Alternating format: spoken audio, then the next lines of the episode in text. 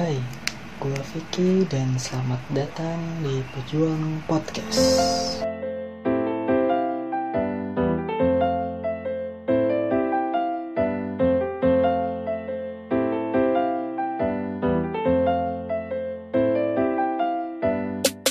Oke, untuk podcast gue kali ini, gue akan bercerita tentang pengalaman gue hari ini di mana pengalaman gue kali ini adalah pengalaman yang menurut gue paling seru paling berkesan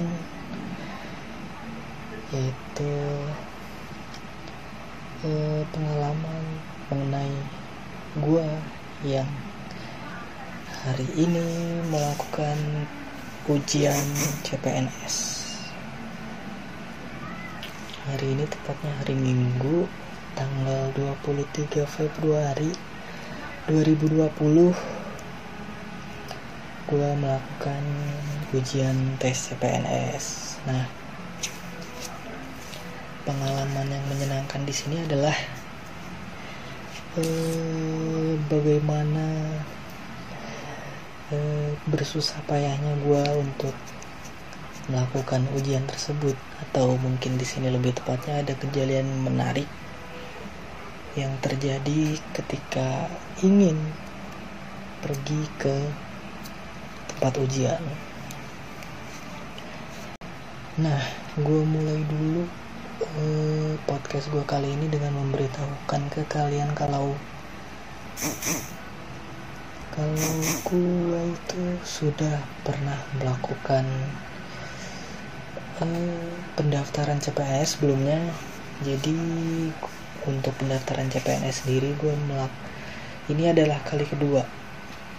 Di mana yang pertama itu gue gagal untuk pertama kalinya melakukan pendaftaran CPNS gue gagal. Waktu itu gue gagalnya di tahap tahap administrasi. Gue di mana di situ dengan sotonya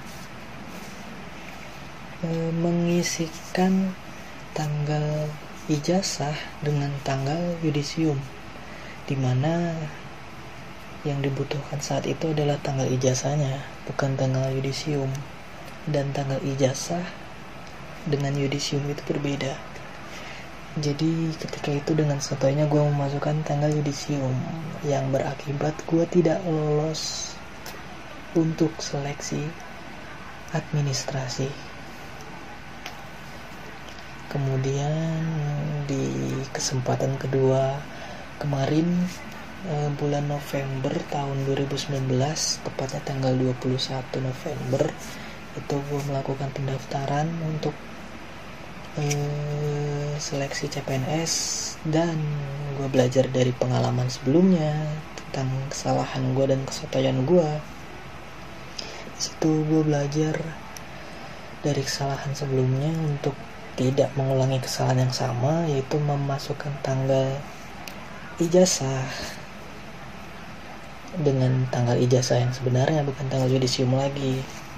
Akhirnya eh, ketika seleksi untuk berkas-berkas administrasi dan gua dinyatakan lulus administrasi masuklah ke tahap ujian ujian ujian ujian.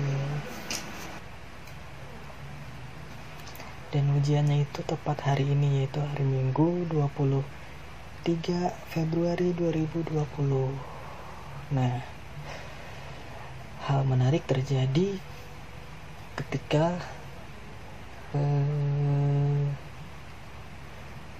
gue ingin berangkat tapi sebelum itu sebelumnya jam 9 atau jam 10 gue sempet diingatkan oleh temen kerja seruangan gue di sekolah kalau hari ini ada tes.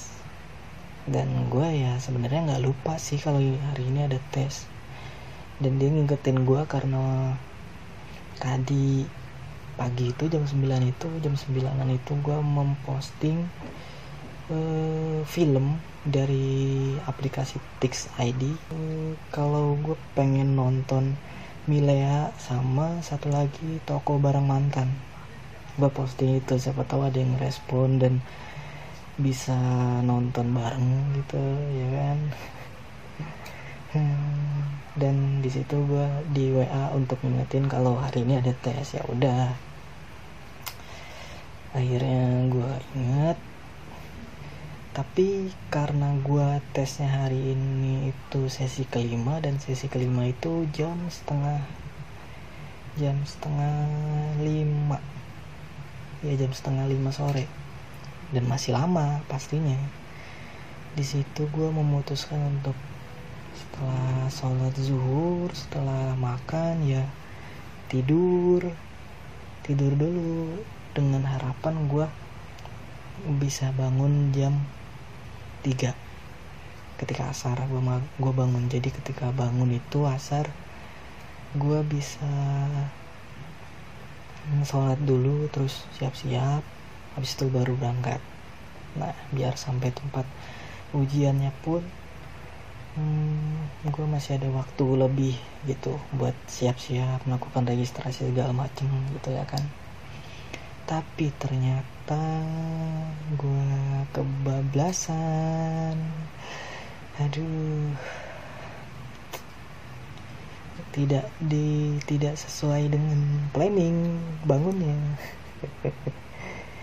Dan di dan gue waktu eh, tadi sore itu bangun jam setengah eh jam gue bang ketika sore itu gue bangun bablas sampai jam 4 kurang 10 di mana itu tersisa 30 menitan lagi untuk gua TW ke tempat ujian.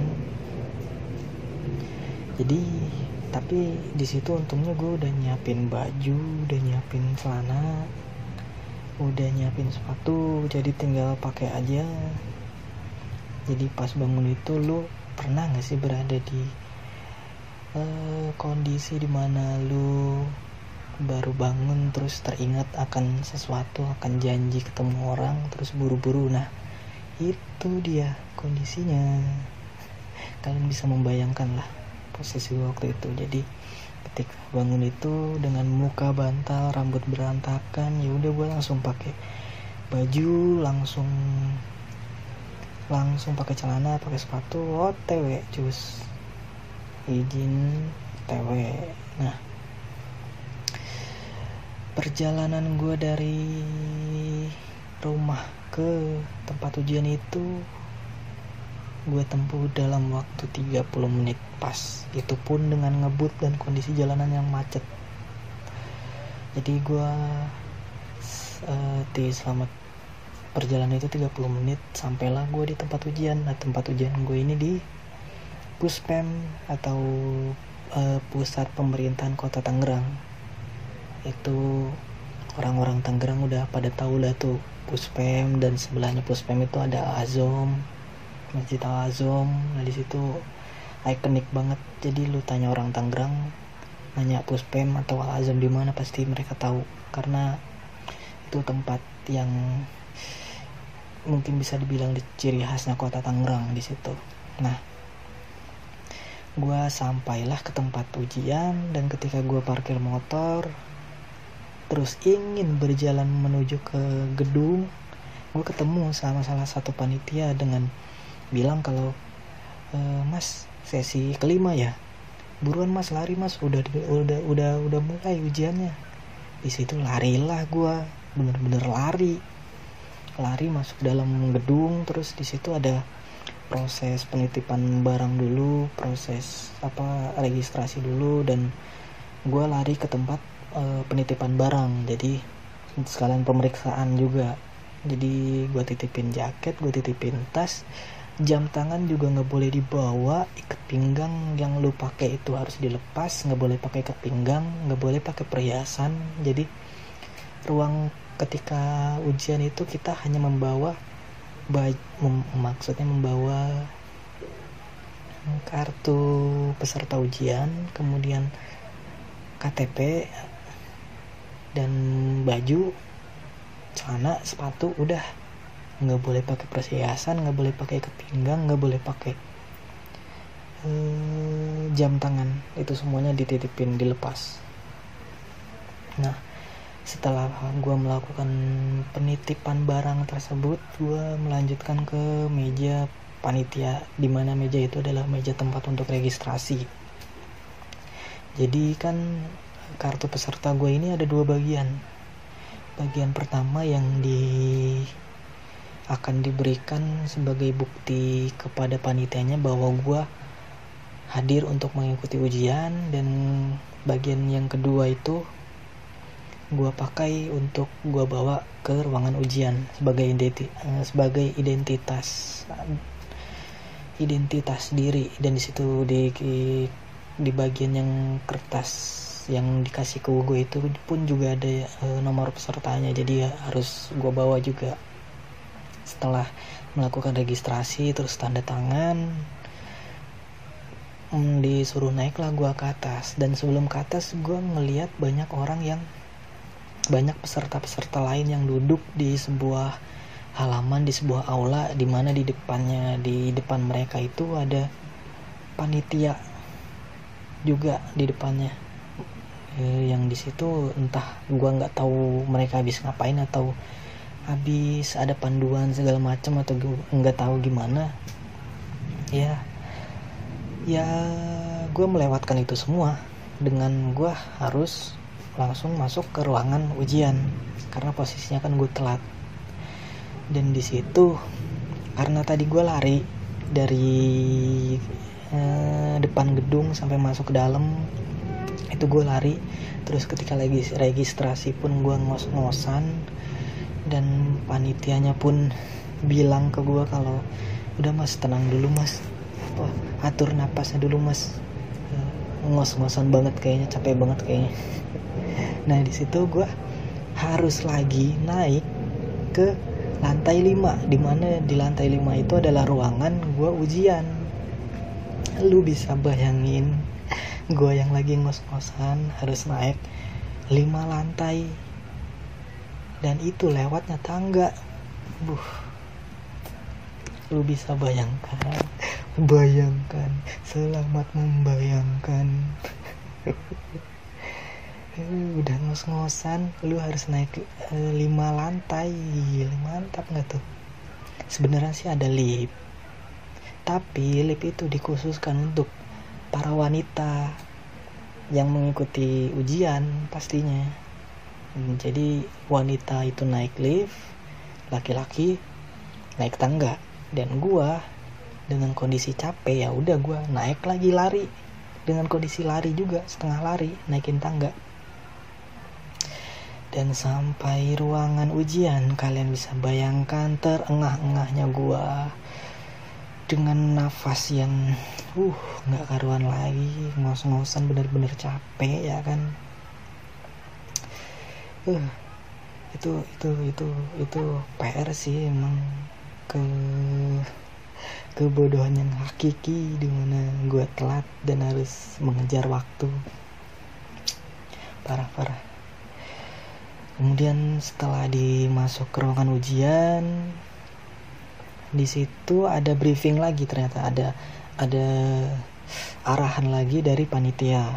Kalau panitia itu memberitahukan kalau uh, ujiannya itu atau prosedur-prosedur ujiannya itu sudah dijelaskan di video tutorial ketika di bawah tadi. Jadi jadi di bawah itu ternyata adalah eh, tahap mereka diperlihatkan sebuah video tutorial bagaimana cara mengerjakan ujian tersebut. Dan gua lagi-lagi melewatkan itu. Aduh. Parah parah. Tapi di situ eh, panitianya bilang lagi cuma eh, kalian nggak usah takut jadi ini prosedurnya gampang dan kalian tinggal nanti tinggal klik klik klik klik aja. Dan ketika kalian ada soal yang tidak tahu jawabannya bisa dilewatin dulu untuk dikerjakan nanti di belakang gitu. Jadi ya menurut gue ya udah gampang lah. Tinggal klik klik klik klik doang ya kan? Apa susahnya? Nah kemudian dikasih tahu lagi kalau jangan sampai ada soal yang terlewat. Karena karena setiap soal itu bernilai poin. Jadi ketika kita melewatkan soal satu soal aja nih poin kita adalah nol. Dan ketika kita salah menjawab soal pun poin kita juga nol. Nah dan jawab dan poin tertinggi dari jawaban kita itu adalah 5 poin. Nah, jadi yang gue tangkap di sini adalah kita harus memilih jawaban yang paling benar di antara jawaban yang benar. Nah, supaya dapat poin yang lebih tinggi. Begitu. Dan kita juga harus memilih jawaban misalkan tidak bisa memilih jawaban yang paling benar, paling tidak kita bisa memilih jawaban yang benar. Di antara satu jawaban dengan kemungkinan nilai poin 0. Hmm. Di situ gue memutar otak bagaimana caranya memilih jawaban yang benar. dan di situ dan di situ diberitahukan juga kalau soalnya ada 100 soal jadi 100 soal dengan poin 5 di mana total total poin yang bisa kita dapat adalah 500 karena poin tertinggi kan 5 kalau benar semuanya 5 kali 100 500 dan di situ soal 100 soal itu harus dikerjakan dengan dalam eh dan dan setelah dan 100 soal itu harus dikerjakan dalam waktu 90 menit yang artinya itu satu setengah jam satu jam 30 menit. Uh di situ adalah momen paling hmm, nggak menegangkan sih biasa aja gue mah. Gue ngerjainnya dengan santai. Yang bikin tegang tahu nggak apa? Yang bikin tegang deg-degan itu waktu. Karena ketika kita mengerjakan soal memi eh, mengerjakan setiap tiap soal itu di pojok ke kanan atas ada waktu yang terus berkurang. Jadi waktunya kayak hitungan mundur hitungan mundur ya. Jadi dari 130 ke 129 gitu mundur terus. Makin mundur makin mundur. Dan di situ fokus gue adalah lebih ke ngelihat menit jamnya daripada soalnya karena karena gimana ya soalnya hmm, jadi ketika itu gue mengerjakan gue tidak membaca seluruh soal sampai habis tapi gue lebih fokus ke jawabannya.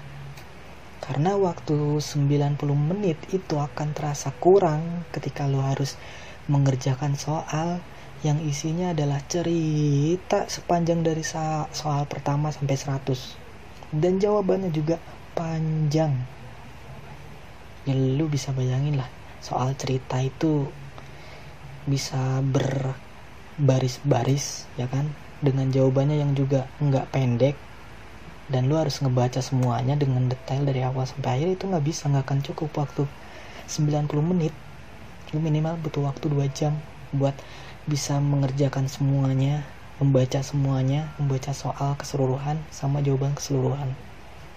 Dan trik gue adalah gue cuma baca soalnya, gue cuma baca jawabannya aja. Di mana di situ gue ya berdasarkan feeling aja, cuma berdasar apa uh, feeling feeling mana jawaban yang lebih masuk akal. Tanpa peduli ya soalnya soalnya apa ya bodo amat. Pokoknya jawaban yang lebih logis untuk diterima itu yang gue pilih. Trik gue begitu. Singkat cerita ya gue akhirnya bisa menyelesaikan 100 soal itu dengan sisa waktu 5 menit. Iya 100 soal dengan sisa waktu 5 menit itu adalah eh, pengerjaan tercepat yang bisa gue lakukan. Selama ujian mungkin nggak nggak tercepat juga sih. Cuma itu soal terbanyak yang bisa dikerjakan dalam waktu yang singkat. Seru. Jadi uh, momennya itu uh, eh, gue harus mengejar waktu sama ketika gue ngebut di jalan karena telat. Ya itu sama. Sama sama. Sama sama deg-degan itu. Dan ketika setelah selesai muncullah hasilnya. Uh, gue jelasin dulu kalau uh, uh, sebelum mengerjakan ujian atau sebelum hari ujian gue hari sebelum sebelumnya tidak belajar sama sekali. Jadi gue tidak berharap lebih atau berekspektasi lebih bakal dapat nilai yang bagus atau nilai yang tinggi. Gue cuma tapi di situ gue cuma penasaran untuk ngejalaninnya dulu dengan gue bisa dapetin nilai berapa sih dengan cara seperti itu dengan gue yang nggak belajar? Gue penasaran dengan itu dan ketika muncul hasilnya wow wow wow wow wow. Itu kayak nggak nyangka aja eh nggak nyangka juga nggak nyangka aja nggak nyangka juga gue bisa dapetin nilai yang agak cukup tinggi. Di atas 200 lah. Jadi kalau poin maksimal 500 gue 200 mepet. Dikit lah setengah setengahnya lebih lah. Ya setengahnya lebih tuh poin gue dan kan posisi gue selesai itu dengan kondisi yang di depan gue kan ada peserta lain. Di samping kiri kanan gue juga ada peserta lain. Mereka juga ketika gue selesai mereka baru selesai dan hasilnya muncul. Dan ketika gue bandingkan hasilnya dengan hasil mereka hasil gue lebih sedikit lebih baik dari mereka. Di situ gue merasa waduh kayak kayak aduh gimana ya? Kayak hmm, merasa lebih baik dikit lah dengan posisi yang gue nggak belajar sama sekali ya kan? Aduh jujur sih gue nggak nggak berekspektasi dapat nilai yang segitu besar yang tadi.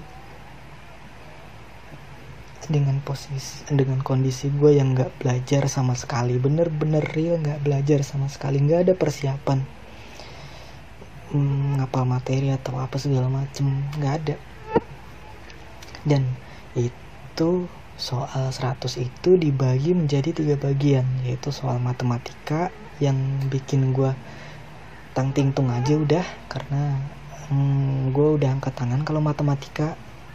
Kemudian ada PKN atau kewarganegaraan di mana di situ berhubungan dengan eh, pasal-pasal eh, yang gue juga nggak paham. Gue nggak terlalu Eh, nggak terlalu PKN nggak terlalu bisa lah. Tapi gue tetap bisa berpikir tentang mana nih jawaban yang seenggaknya masuk akal di PKN itu. Dan uh, yang terakhir itu ada bagian kepribadian diri. Dan di poin kepribadian diri itu adalah mungkin adalah poin terbesar yang bisa gue dapet dari matematika yang jelas rendah ya kan? Nggak ada harapan gue matematika parah. Ya jadi uh, jadi dari tiga bag tiga bagian itu matematika PKN sama kepribadian gue mendapatkan ya cukup lah cukup cukup cukup. Gue dibilang puas ya lumayan dibilang nggak puas ya nggak juga. Bingung kan lu? Bingung lah sama gue juga.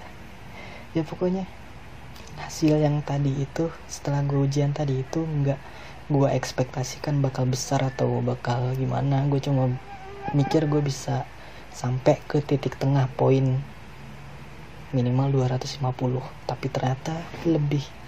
Dan gue ya merasa senang. Aduh. Jadi tinggal nunggu hasilnya aja tinggal menunggu hasilnya keluar. Kalau gue apa dan di hasilnya ini pun gue nggak berharap banyak. Kalau kalau gue lulus dan bisa menjadi uh, calon pegawai negeri sipil ya.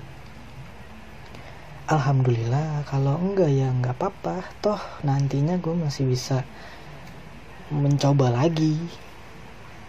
Mencoba lagi mencoba terus sampai gue berhasil. Cuma mungkin ketika ini gagal dan gue mendapatkan kesempatan lagi untuk seleksi berikutnya gue akan lebih fokus untuk jika gue ingin benar-benar menjadi seorang PNS gue akan serius fokus belajar supaya ada minimal hmm, minimal peluang-peluang gue untuk lulus ketika ujian. Ya itu.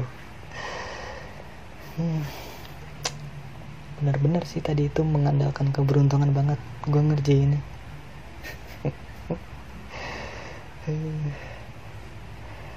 cuma ya ya. Eh, dan nggak ada penyesalan sih sebenarnya. Karena di sini posisi gue pun ingin merasakan bagaimana pengalamannya mengikuti ujian tes CPNS karena sebelumnya kan gagal dan belum sempat merasakan bagaimana pengalaman pertamanya dan sekarang first impressionnya untuk mengikuti ujian tersebut ya. Uh seru. Pertama kali ngikut langsung ada hal-hal yang diinginkan terjadi. Aduh. Nggak nggak habis pikir sih gue parah bener-bener banyak pengalaman untuk first impre first impression gue mengikuti ujian eh, CPNS kali ini hari ini.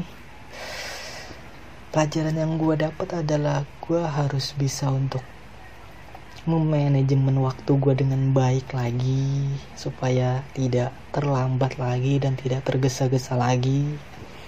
Dan gue juga harus kalau ingin memiliki peluang lulus lebih besar lagi gue harus lebih fokus lagi untuk belajar. Harusnya itu sih. Itu sih pelajarannya buat gue dan buat kalian yang mungkin tertarik untuk atau ingin ikut uh, seleksi CPNS kalian bisa uh, belajar dari pengalaman-pengalaman gue yang habis yang gue sebutin tadi. Kayak misalkan pak ketika tahap administrasi jangan sampai salah ambil uh, jurusan atau ngambil farmasi atau ngambil memilih kriteria apa yang ingin posisi mana yang ingin kalian pilih. Jangan sampai salah pilih dan ketika mem, ketika melampirkan persyaratannya harus dicek kembali supaya tidak uh, ada yang salah. Kalau nggak ada yang tahu bisa bertanya dulu jangan sotoy kayak gua waktu itu dan uh, penuhi syarat-syaratnya dengan benar dengan sesuai aturan sesuai kriteria yang kalian daftarkan dan ketika tes ketika kalian lolos dan harus memasuki seleksi tes ujian ya belajarlah. Belajarlah ketika kalian ingin memiliki peluang yang lebih besar untuk lulus. Belajarlah. Jangan kayak gua. Gua eh, hari-hari sebelum ujian pun gue cuma fokus ke main game ke bikin podcast materi. Hari Jumat hari Jumat Sabtu itu kemarin gue pakai buat ngerekaman podcast. Yang ketika malam minggu itu gue pakai buat mengedit. Yang sampai gue telat tidur malam jam 12 itu gue kecapean ngantuk banget. Ya jangan-jangan kayak gue lah. Itu hal buruk yang tidak boleh ditiru. Jadi dari pengalaman gue yang barusan gue ceritain bisa kalian ambil sisi positifnya untuk kalian pelajari. Negatif negatifnya yang gak usah diikutin dibuang aja negatifnya. Negatifnya anggap aja gue cuma bercerita share supaya kalian tidak mengikuti jejak yang sama seperti gue jangan melakukan kebodohan yang sama seperti gue supaya tidak ada penyesalan nantinya di kemudian hari. Tapi kalau gue sih gue nggak ada penyesalan. Karena gue melakukan tes ini karena penasaran dengan gimana sih sensasinya. Jadi ketika selesai ya sudah. Sudah sudah sudah sudah lega. Karena udah tahu nih oh gini nih e, rasanya ujian lagi karena terakhir kali gue ngerasain ujian kan ketika di kampus ketika uas atau UTS dan akhirnya setelah beberapa tahun gue merasakan ujian lagi yaitu ujian CPNS momen-momen yang menyenangkan sebenarnya buat gue seru-seru. Hari ini tuh berkesan. Momen yang sangat amat berkesan dan apa lagi ya? Ya udah sih itu aja sih yang ingin gue ceritakan ke kalian. Dan oh iya. Hmm, gue punya sebuah kalimat yang bisa menjadi tamparan buat gue sendiri gitu kalimatnya seperti ini. Uh, doa harus diimbangi dengan usaha